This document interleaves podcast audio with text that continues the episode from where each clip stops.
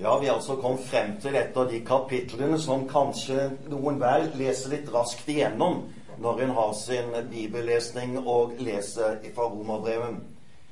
For det er et kapittel som eh, krever litt eh, når en går inn i det ord for ord. Og det er vel også noe av det som står der som vi kan ha litt vanskeligheter med helt å gripe og få tak i. Og det har vært også store diskusjoner om noe av dette. Men vi skal prøve å lese Skriften i sammen og prøve å forstå det som står der, så langt som det rekker for oss. Før det så ber vi litt sammen. Vi takker deg, Herre Jesus, fordi at vi får samles i ditt navn. Takk fordi at du er imellom oss du som er den levende oppstandende frelser og Herre. Nå ber vi, Herre, om at du ved din ånd og ditt ord gjør det levende for oss, de sannheter som er gjemt der, slik at vi får se inn i dem, forstå dem, og at de kan kaste lys også over våre liv. Det ber vi om, Herre. Amen. Det er et kapittel som eh, handler om for det ene loven, for det andre synden. Og så er det et kapittel som også bærer preg av personlig erfaring. Og hvor Paulus selv plasserer seg midt inn i det som han beskriver. For i store deler av dette kapitlet så har han første person entall. Jeg. Han skriver 'jeg' for. Det starter med å si Eller vet dere ikke, brødre? Jeg taler jo til alle, til slike som kjenner loven, at loven hersker over menneskene bare så lenge de lever. Og Dermed så har han angitt et tema med loven og hvor lenge den gjelder, som allerede var også omtalt i kapittel 6 og vers 14. Og vi kan også lese det verset fordi det henger så tett i sammen. For synden skal ikke få herske over dere, for dere er ikke under loven, men under nåden. Og det avsnitt som da ligger mellom vers 14 og kapittel 7, det omhandler på en måte det en, en advarsel om at det å være fri for loven betyr ikke at det er en frihet til å synde på nåden. Og Så skildrer den avslutningen av kapittel 6 om det liv som du da byr frem for ham, og det liv som var der hvor du bar frem lemmene dine for synden og urettferdigheten. Problemet er hvordan loven og synden står i forhold til hverandre. Og det er det Paulus tar opp når han da går inn i dette kapitlet i starten. Og så er det andre ting som kommer etter hvert. Og Paulus sier her at han skriver til de som kjenner loven. Altså Han skriver til en menighet som består av en god del jødekristne og gudfryktige hedninger som kjente mye av Det gamle testamentet før de ble omvendt. Og de kjente denne Guds lov. Og hva kjente de da? Jo, de kjente den åpenbaring som er knyttet til Guds lov i Det gamle testamentet, hvor Gud hadde gitt til kjenne gjennom bud og forskrifter hva som var hans vilje for det liv de skulle leve. De kjente også loven slik at dersom de oppfylte alt det som sto i loven, så var de under livets betingelser, under Guds velsignelse.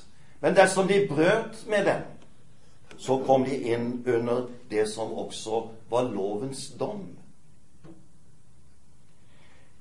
Og for det siste, og det er det han griper fatt i, så vet de også at lovens gyldighet er der så lenge vi lever. I det øyeblikk døden inntrer, har ikke loven noe å kreve lenger. Og slik er det han starter også i dette, hvor han sier at loven hersker over mennesket bare så lenge det lever. Og så gir han i det følgende, ser du, et eksempel fra et område av loven hvor han viser at loven har gyldighet i den situasjonen så lenge en lever. Og du ser hva som står da i vers 2 og 3. For, og dette er et eksempel, for den gifte kvinnen er ved loven bundet til sin mann så lenge han lever. Men dersom mannen dør, er hun løst fra loven som bandt henne til mannen. Derfor skal hun kalles en horkvinne dersom hun, mens mannen ennå lever, blir en annen manns hustru. Men dersom mannen dør, er hun fri fra loven og er ingen horkvinne om hun gifter seg med en annen et eksempel fra mange områder av det loven beskriver, for å illustrere denne ekteskapspakten. Den gjelder så lenge dere lever, men i det øyeblikk den ene part dør, så oppheves lovens bestemmelser. Og så bruker han dette eksempelet. Ikke sånt i detalj, men han bruker det på ett poeng nemlig at loven gjelder så lenge en lever. Når en dør, oppheves den. Da ser du vers 3, nei, vers um, som kommer etterpå, vers 4 og litt nedover. Mine brødre, slik døde også dere fra loven ved Kristi legeme. Også dere er kommet til et slikt forhold til loven at dere er død for loven. Fordi Kristus døde, og dere har fått del i hans død ved at han gikk inn under lovens krav og dom og brakte det hele til endes ved det at han bar dommen over seg og døde for oss. Slik blir hans død også et endepunkt for oss når det gjelder lovens krav. Slik er det at Paulus taler om dette. Vi tilhører og han fortsetter slik da. Mine brødre, slik døde også dere fra loven ved Kristi legeme, for at dere skal tilhøre en annen, han som ble oppreist fra de døde, så vi kan være frukt for Gud. Det er ikke bare slik at dere døde ved Jesus Kristus, men dere ble også levendegjort med ham, slik at dere står frem med et nytt liv i Jesus Kristus. Og det vet dere at når vi har gått gjennom Romerbrevet kapittel 6, så har det skildra og bretta ut for oss at det å få del i frelsen, det er å få del i Jesus slik at vi dør med ham, blir begravd med ham, reises opp med ham til et nytt liv. Slik er også denne situasjonen. Når vi får del i hans død, så reises vi også opp ved det at vi tilhører ham, han som sto opp fra de døde. Og slik, i dette samfunn, skal vi bære frukter for Gud.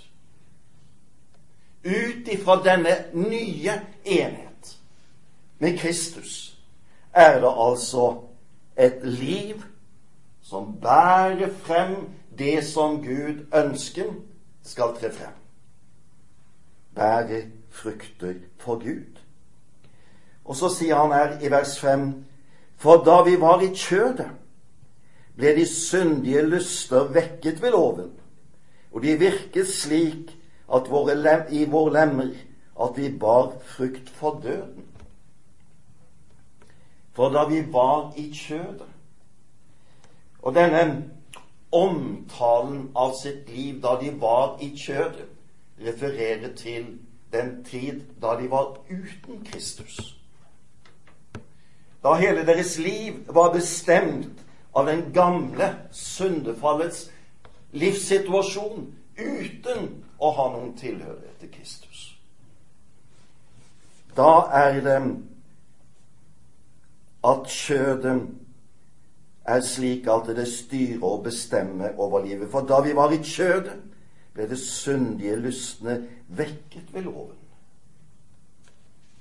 Da virker loven slik at den fremkalte og vekker til live den syndige lyst som var der, men som loven fremprovoserte.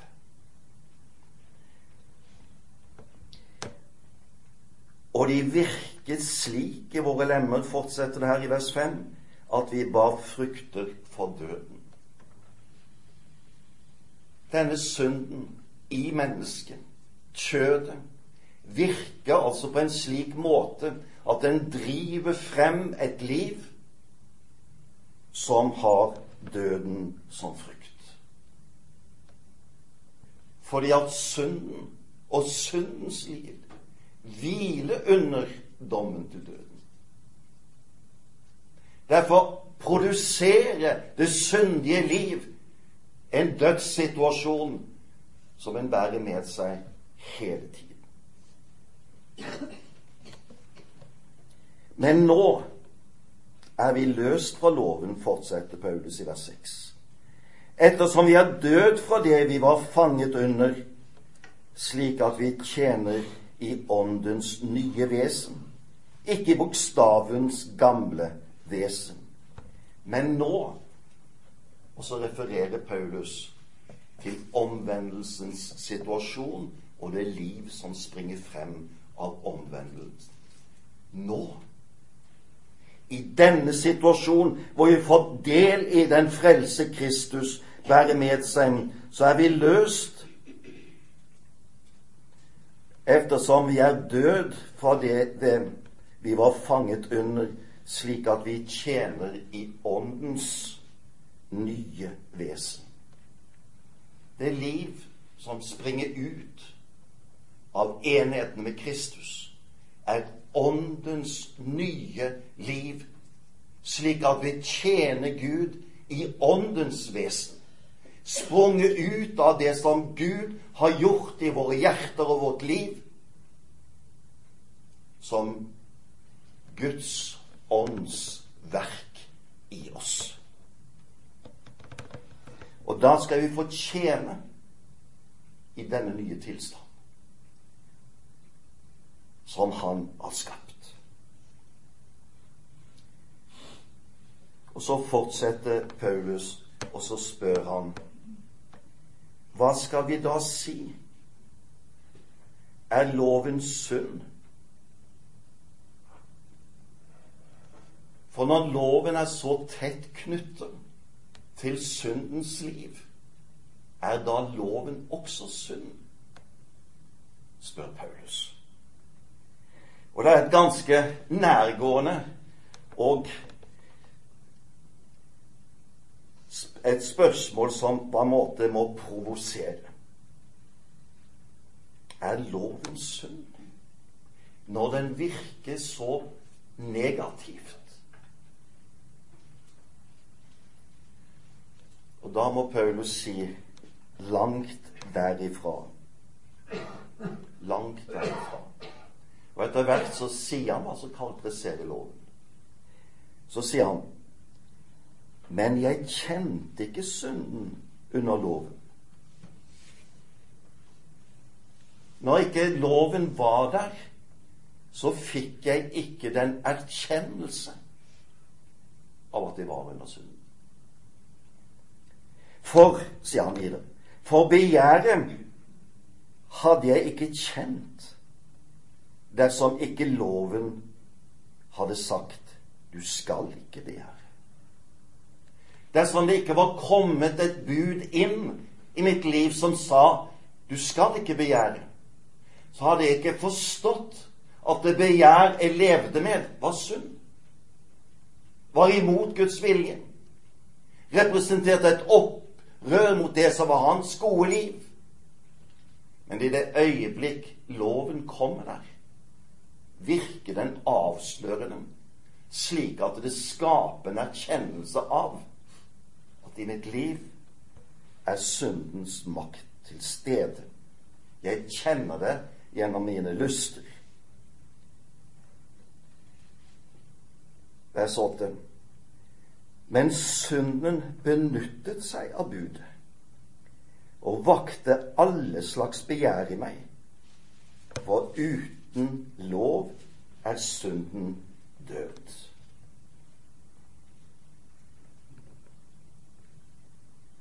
Men synden benyttet seg av. Synden på en måte grep tak i loven og bruker den som et redskap. Og slik vakte budet alle slags begjær i meg, sier Paulus. Og det er som om budet provoserer frem det ene etter det andre, slik at det blir enda mer tydelig at det liv og det mennesket jeg er i meg selv, det er et liv under synden. Og uten at denne loven hadde kommet inn, så hadde jeg fortsatt vært i synden. Men jeg hadde ikke erkjent den og forstått den og visst hva syndens makt var for noe. Derfor er det at synden virker til en erkjennelse, slik at en forstår at det mennesken er, etter syndefallet er et menneske som bærer i seg synden og kjøden og alt det som det fører med seg.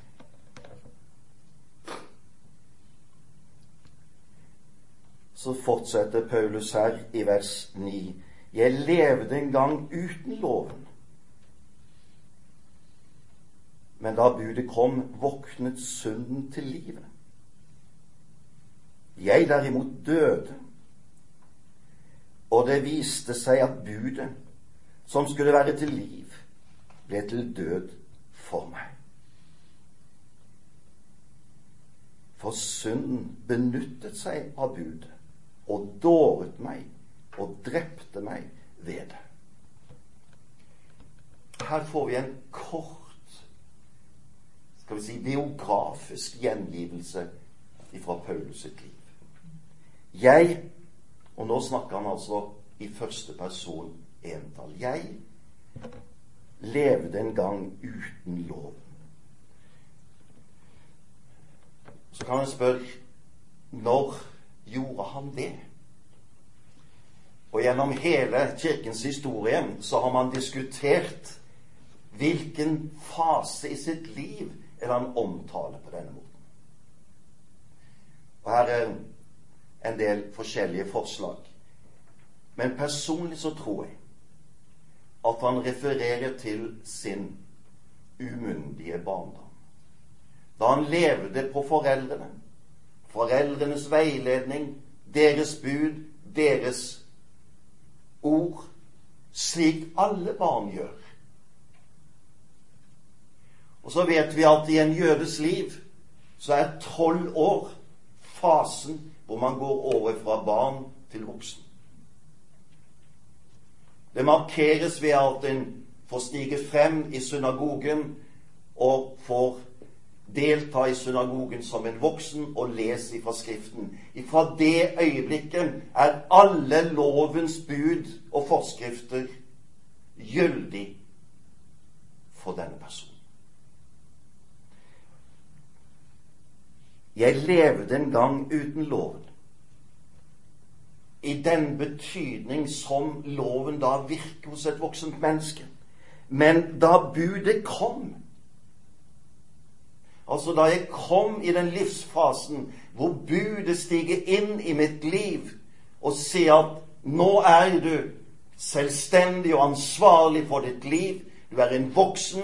Du skal stå for Gud alene. Du kan ikke stå der i ly av dine foreldre, dine foresatte. Nå står du der. Og hva skjedde da i hans liv? Slik tror jeg at dette er å forstå, og jeg har mange med meg gjennom historien på denne tolkningen. Men da budet kom, våknet synden til livet. Altså, da var det noe som skjedde i mitt liv som gjorde at det provoserte frem noe som nok har vært der hele tiden.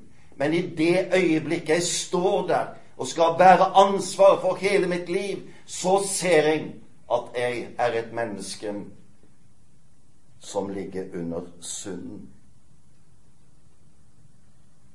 For uten loven er synden død, sier han. Jeg levde en gang uten loven, men da budet kom, våknet synden til livet. Jeg derimot døde. Og det viser seg at budet, som skulle være til liv, ble til død for meg. For synden benyttet seg av budet og dåret meg og drepte meg ved det. Hvordan var Paulus sitt liv under loven? Han kjente alle lovens bud og forskrifter. Men hva virker det i ham? Jo, det skapte han til en forfølger av de kristne. Han raste imot dem, og som ungdom sto han ved den første martyr, Stefanus, når han ble steinet. Og klærne til Stefanus ble lagt ned ved hans føtter. Han sto midt inni forfølgelsens begivenhet hvor synden raser imot det Gud har gjort til Jesus Kristus. Og sånn driver han videre og videre, slik at han også forfølger de kristne like til Damaskus. For Paulus trodde han levde etter loven når han forfulgte de kristne. Han forfulgte de han mente var en gudsbespotter som drev med blasfemi, som drev med falsk forkynnelse, i strid med loven. Og noe av dette tror jeg som ligger i disse ordene. Under loven ble det provosert frem et enda sterkere motstand imot det Gud hadde gjort i Jesus Kristus.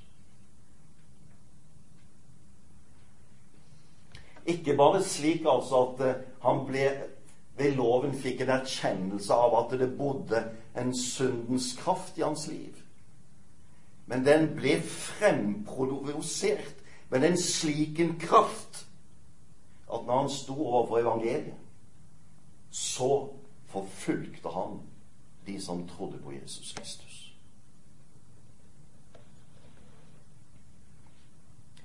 Og det er på en måte syndens største opprør.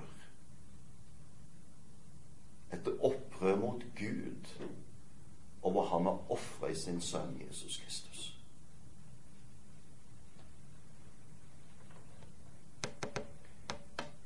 Og så sier han da som en avrunding her i vers 12 Så er da loven hellig, og budet hellig og rettferdig og godt. For det var synden som dreiv han til motstand mot Gud. Når han som en synder møtte den Guds hellige lov, som det står her loven er hellig, bud er hellig og rettferdig og godt, så virker dette på en måte som om det drev frem den syndens kraft og makt som lå i hans liv.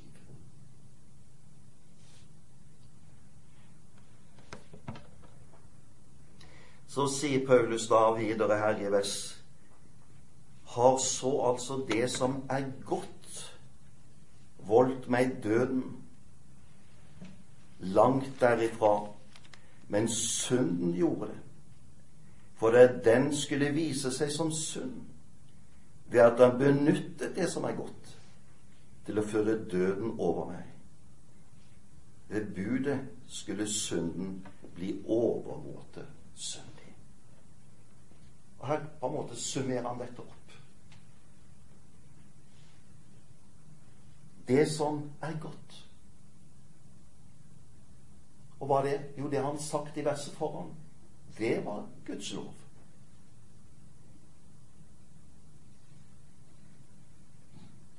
Var det det som var årsaken til at de døde? Var det det som var årsaken til at de kom under dommen? Var det det som gjorde at de var en som forfulgte Guds menighet? Nei, men det var synd som gjorde det. Men synden gjorde det, sier Paulus her. Og i møte med det som var Guds gode vilje, så ble han klar over at det var en syndens makt i hans liv. For synden benyttet seg av det som var godt. Så er det som om synden på en måte tar også dette gode til fange og bruker det inn i hans liv på en slik måte som det står ved at den benyttet det som er godt, til å føre død over meg. Og drev han altså inn i det liv som er under fortapelsens dom. Og slik, sier han da, ved budet skulle synden bli overmåte syndig. På den måten så stiger altså denne syndens virkelighet i hans eget liv frem med større ty tydelighet enn det det noen gang hadde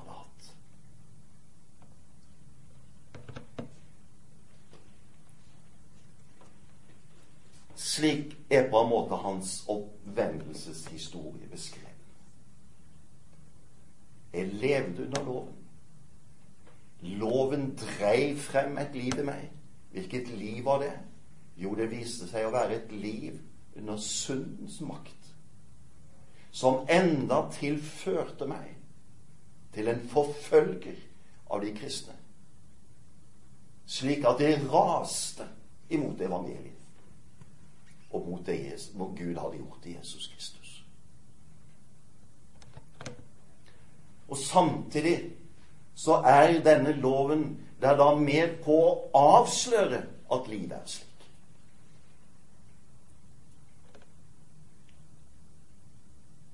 Og dermed gav han en erkjennelse.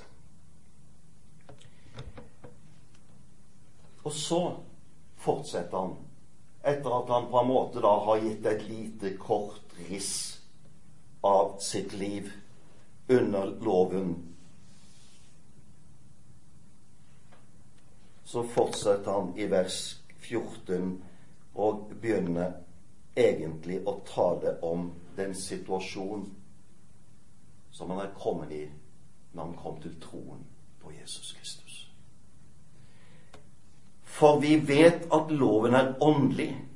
Jeg derimot er kjødelig, solgt til trell under synden. Jeg skjønner ikke det jeg gjør. Og hvis du legger nøye merke til hvordan teksten er formulert, så går han nå plutselig over til å snakke i presens, i nåtid.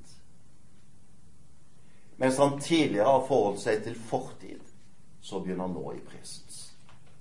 Dermed så flytter han blikken ifra tidligere til den situasjonen han er i. Og fortsatt er det første person entall han fører dette i, nemlig som et vitnesbyrd, en fortelling om seg selv.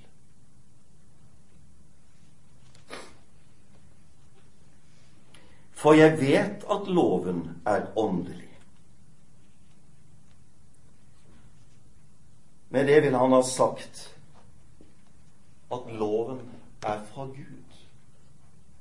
Han har karakterisert den som hellig, som rettferdig og god. Det vil si, den er i den hellighetssonen som er Guds sone. Det er det som er gitt som Guds ord. Men jeg derimot, sier han, jeg derimot er kjødelig solgt til trell under synd. Jeg er kjødelig. Så avlegger Paulus på en måte en bekjennelse. Og han sier at 'jeg ble solgt til trell under sønnen'. Og der bruker han fortidsformen. Fordi at den begivenheten hvor han ble solgt under synden, er en historie som går bakover, og som refererer seg, hvis vi nå forholder oss også til Romerbrevet 5, til syndefallets situasjon, og han som en del av menneskeslekten, den falne menneskeslekten, er i en situasjon å være solgt under synden. Som trell. Og Da har Paulus sagt to ting. Jeg har del i menneskeslektens falne situasjon. Jeg tilhører de som ble solgt den gangen da fallet kom inn, jeg er en del av Adamslekten. Hva har det som konsekvens? Jo, jeg er kjødelig.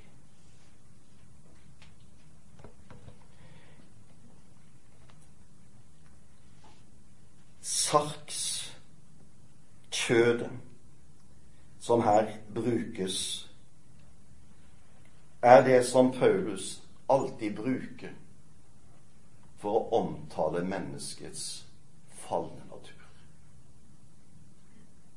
Jeg er kjødelig. Og så fortsetter han, ser dere. Jeg skjønner ikke det jeg gjør. Altså denne karakteristikken av seg selv som han da gir i vers 14, det fortsetter i et utsagn som sier at 'jeg skjønner ikke det jeg gjør'. Altså det er noe med dette som er såpass krevende, så vanskelig og så fortvilende jeg skjønner det ikke. Og hva skjønner jeg ikke? Jo, det jeg gjør. Det er altså noe som skjer i mitt liv, og som har presens form. Det vil si, det er noe av det som han erfarer og gjør nå. Jeg forstår det ikke, selv.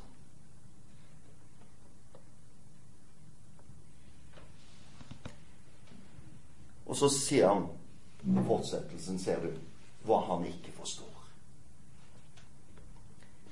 For det jeg vil, det gjør jeg ikke. Men det jeg hater, det gjør jeg.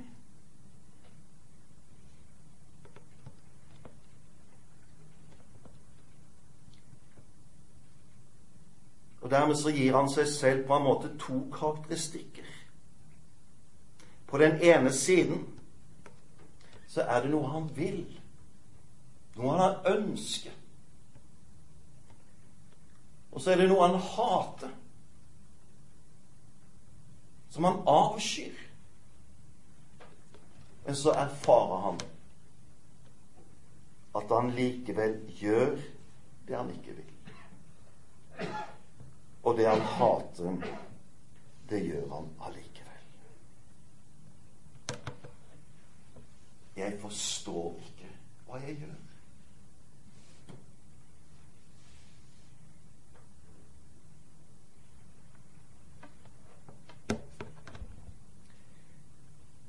Altså, Paulus gjør ting i sitt liv som han avskyr. Som han ikke ønsker å gjøre. Og han opplever en motsetning mellom sin vilje og sin trang og det han avskyr, og det han gjør. Og I disse utsagnene ligger der en dyptgripende spenning. Og jeg forstår godt hvorfor Paulus sier 'Jeg forstår ikke hva jeg gjør'. At jeg som er frelst, allikevel har slike erfaringer i mitt liv. Jeg forstår ikke. Og det er som om det stiger frem en første sånn fortvilelse over dette den øker til lenger utover i teksten vi kommer.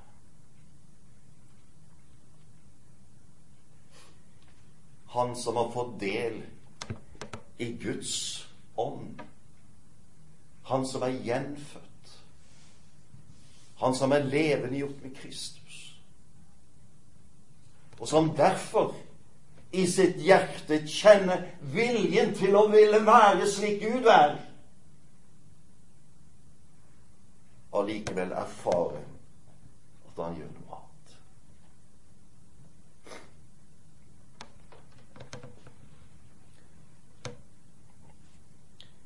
Så fortsetter han.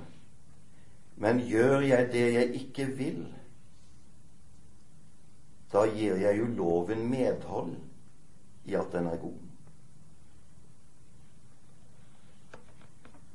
Når jeg gjør det som er ondt, gjør det som er galt, så vitner samtidig om at Guds lov er god. For i mitt hjerte hva er det jeg vil? Jo, jeg vil det som er Guds vilje, som er Guds tanke, som er Guds plan for livet.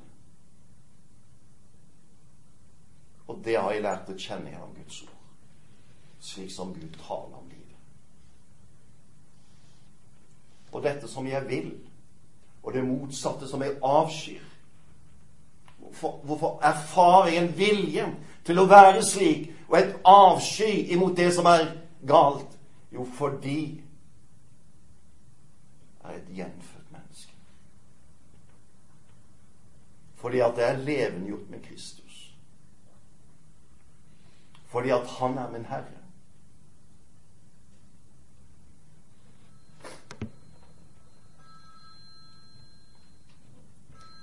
Så er det ikke lenger jeg som gjør det, vers 17 og nedover, men synden som bor i meg. For jeg vet at i meg, det er i mitt kjød, hvor det intet godt. For viljen har jeg, men å gjøre det gode makter jeg ikke.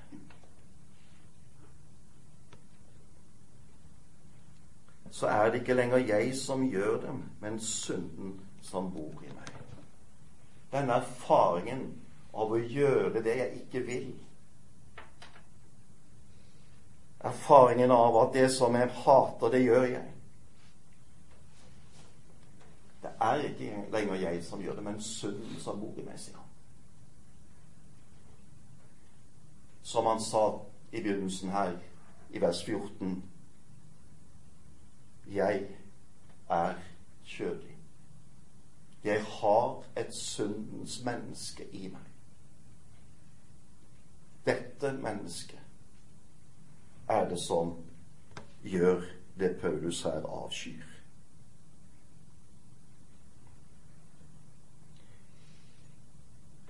For jeg vet at i meg er i mitt kjød bor det intet godt.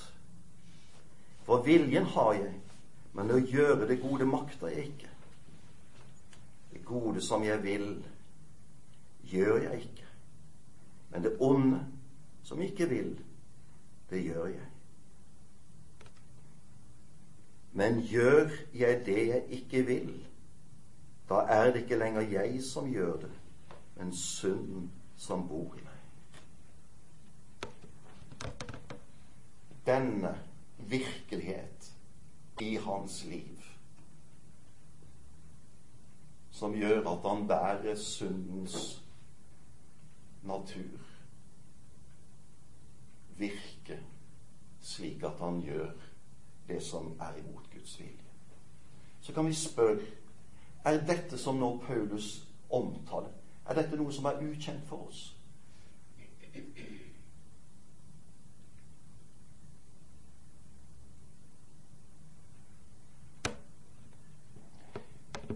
Når vi leser Skriften og leser det om å bli likedannet med Kristus, slik han var, slik skulle også vi være. Slik Gud er hellig, slik skulle også vi være hellige. Slik Gud er god, skulle også vi være gode. Kjenner vi at vi vil det? Ja. Gjør vi det? Og når vi da ikke gjør det, hva er det som da virker i våre liv? Er syndens natur vi bærer med oss.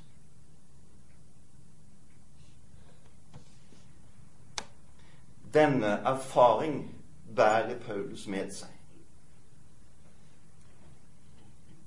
Og jeg tror at dersom vi fornekter denne erfaringen,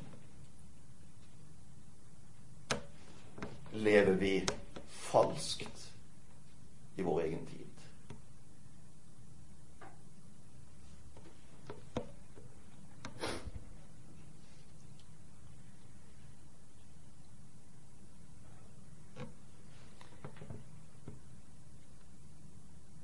Vers 22 og 23.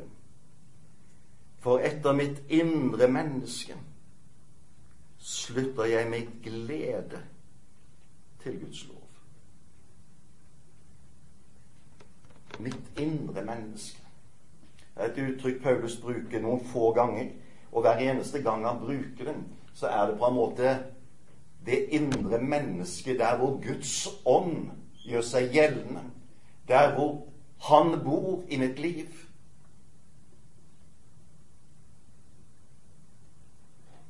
Og hva springer ut ifra det?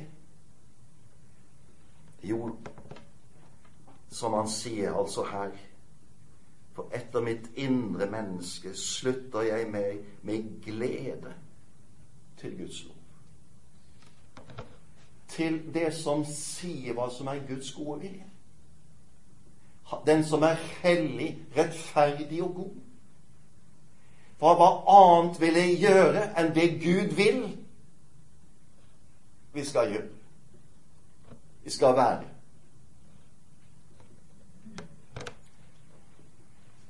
Så fortsetter det i vers 23. Men i mine lemmer ser jeg en annen lov som strider mot loven i mitt sinn og som tar meg til fange under syndens lov, som er i mine lemmer. I mitt indre, i mine lemmer. Så det er en motsetning som Paulus her trekker opp. Og så sier han at eh, når det gjelder det ytre For lemmene er jo det som er knytta til det ytre. Så opplever han en annen lov, som han sier som strider mot loven i mitt sinn, som tar meg til fange under syndens lov.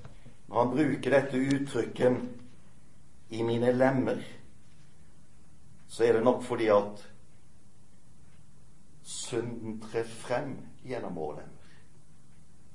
Synden trer frem gjennom lepper og tunge som formulerer ord i strid med Guds gode vilje. Den trer frem gjennom hender og føtter som gjør det som er imot Guds gode vilje. Synden trer frem i det offentlige rom gjennom utsiden av vårt liv. Selv om synden bor i oss, så trer den frem gjennom dette ytre.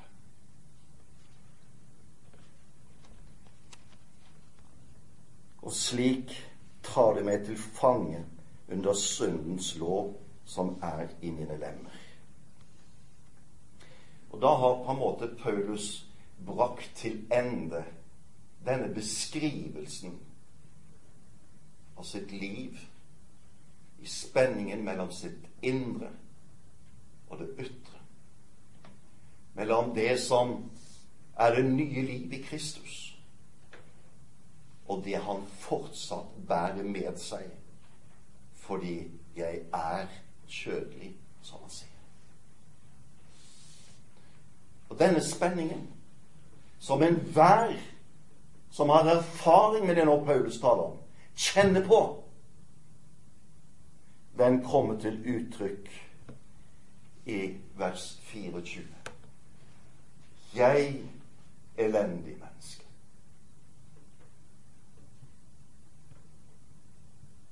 Jeg som skulle ønske å være som Gud var, som Kristus var, men som gjør så mye annet. Jeg, elendige menneske. Og ut av det utsagnet er en fortvilelse og en nød som stiger frem. Og som alle vi som tror, har kjent i vårt liv, tror jeg. En selvkarakteristikk som sier noe om hvem vi er som mennesker. Og så fortsetter denne selvkarakteristikken i et nødsrop. Hvem skal fri meg fra dette dødens legeme?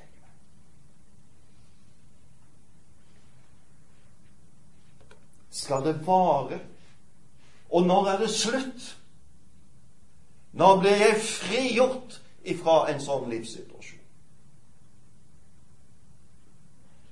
Hvem skal fri meg fra dette dødens lev? Som da er et annet uttrykk for syndelegemet. Dette legemet som er under døden fordi det er under Guds dom, skal fri meg fra det. Og Paulus sier skal fri meg. Og han ser fremover og spør når tar det slutt?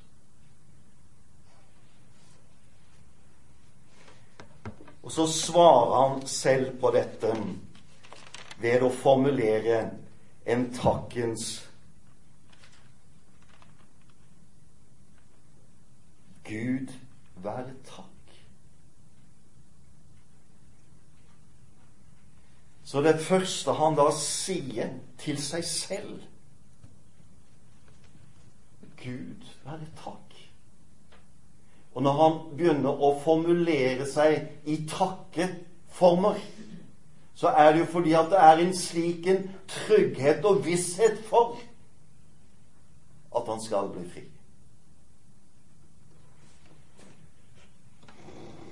Så kan vi spørre hva er det som gjør at han allerede der og da kan begynne å takke Gud?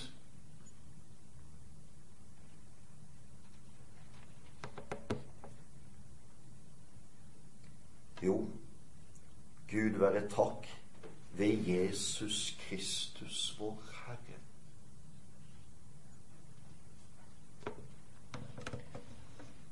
Og i dette uttrykket ved Jesus Kristus, vår Herre, ligger jo alt det han har skrevet tidligere i brevet om hva Gud har gjort i Jesus Kristus. Han som gav sitt liv for vår skyld. Han som sto opp igjen den tredje dag. Han som kommer til oss i evangeliet og gir oss del i hans frelsesverk. Og når Paulus da ser inn i dette frelsens hemmelighet, så priser han Gud. For i Jesus Kristus ligger frihet. Ja, så kan vi spørre Ja, hva sier så Bibelen om det å få del i denne seier som Kristus har brakt med seg gjennom sin død og oppstandelse?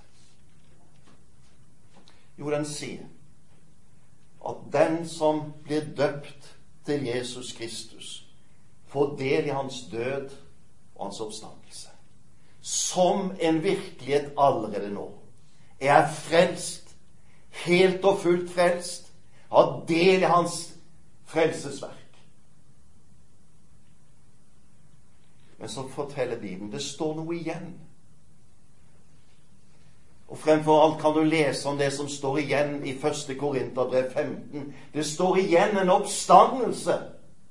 En legemlig oppstandelse etter døden.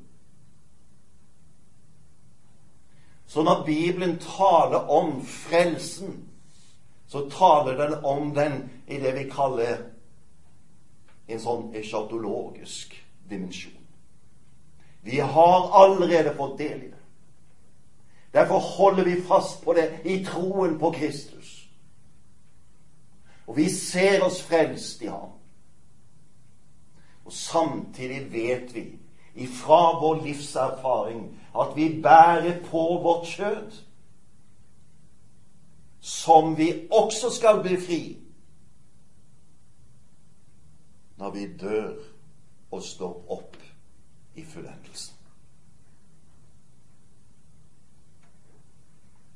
Slik taler Bibelen om frelsens store rikdom. Noen vil si at alt i denne frelsen, hele fullendelsen, hele det oppstandelsens nye liv som først kommer når Kristus kom hjem, det skal på en måte allerede være her nå. Men slik er det ikke Paulus taler om.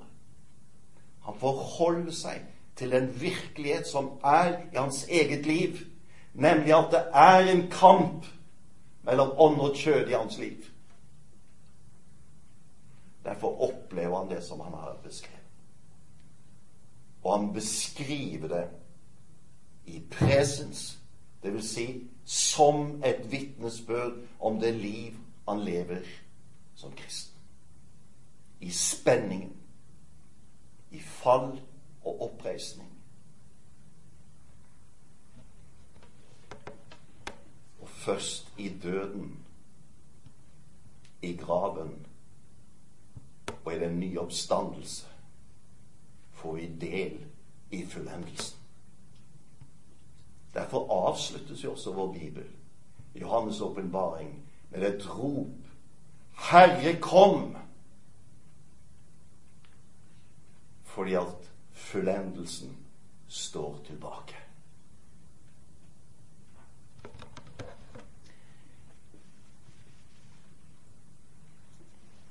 Når vi erfarer livet slik, som Paulus her beskriver. Og jeg tror vi erfarer det litt i ulike dimensjoner, dette. For det er slik at til nærmere Kristus du lever, til tettere inn på det som er Åndens vilje og gjerning, til mer kjenner du av denne spenningen. Til mer fortvila blir du over det. Og noen ganger så er det også slik at anfektelsen kommer. Om tro om jeg blir frelst.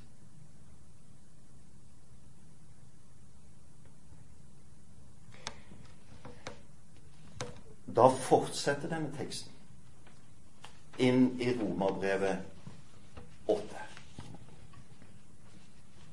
Så er det da ingen fordømmelse for den som er i Jesus Kristus.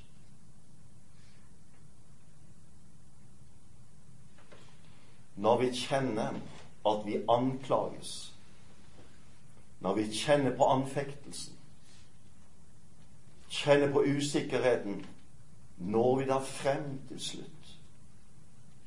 Og djevelen plager oss med våre gamle synder, med at vi ikke får det til så kom evangeliet og forteller at i Jesus Kristus, der er det ingen fordømmelse.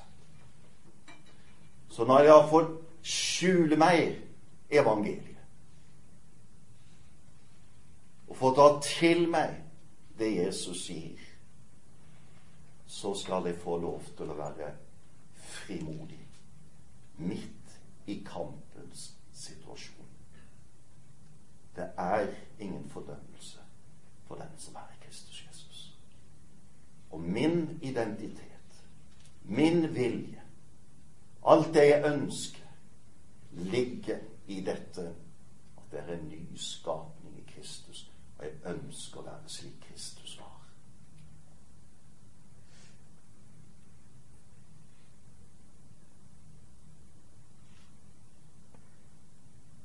Herre Jesus. Du kjenner våre liv. Du kjenner våre erfaringer. Du kjenner også våre tunge og mørke stunder. Og du kjenner også de stunder da evangeliets lys strømmer innover oss, og vi får juble i takk til deg. Takk, Herre, fordi at um, vi har en fremtid som du skaper. Og vi skal stå opp med deg en dag i fullendelsen. Takk for håp. Det lever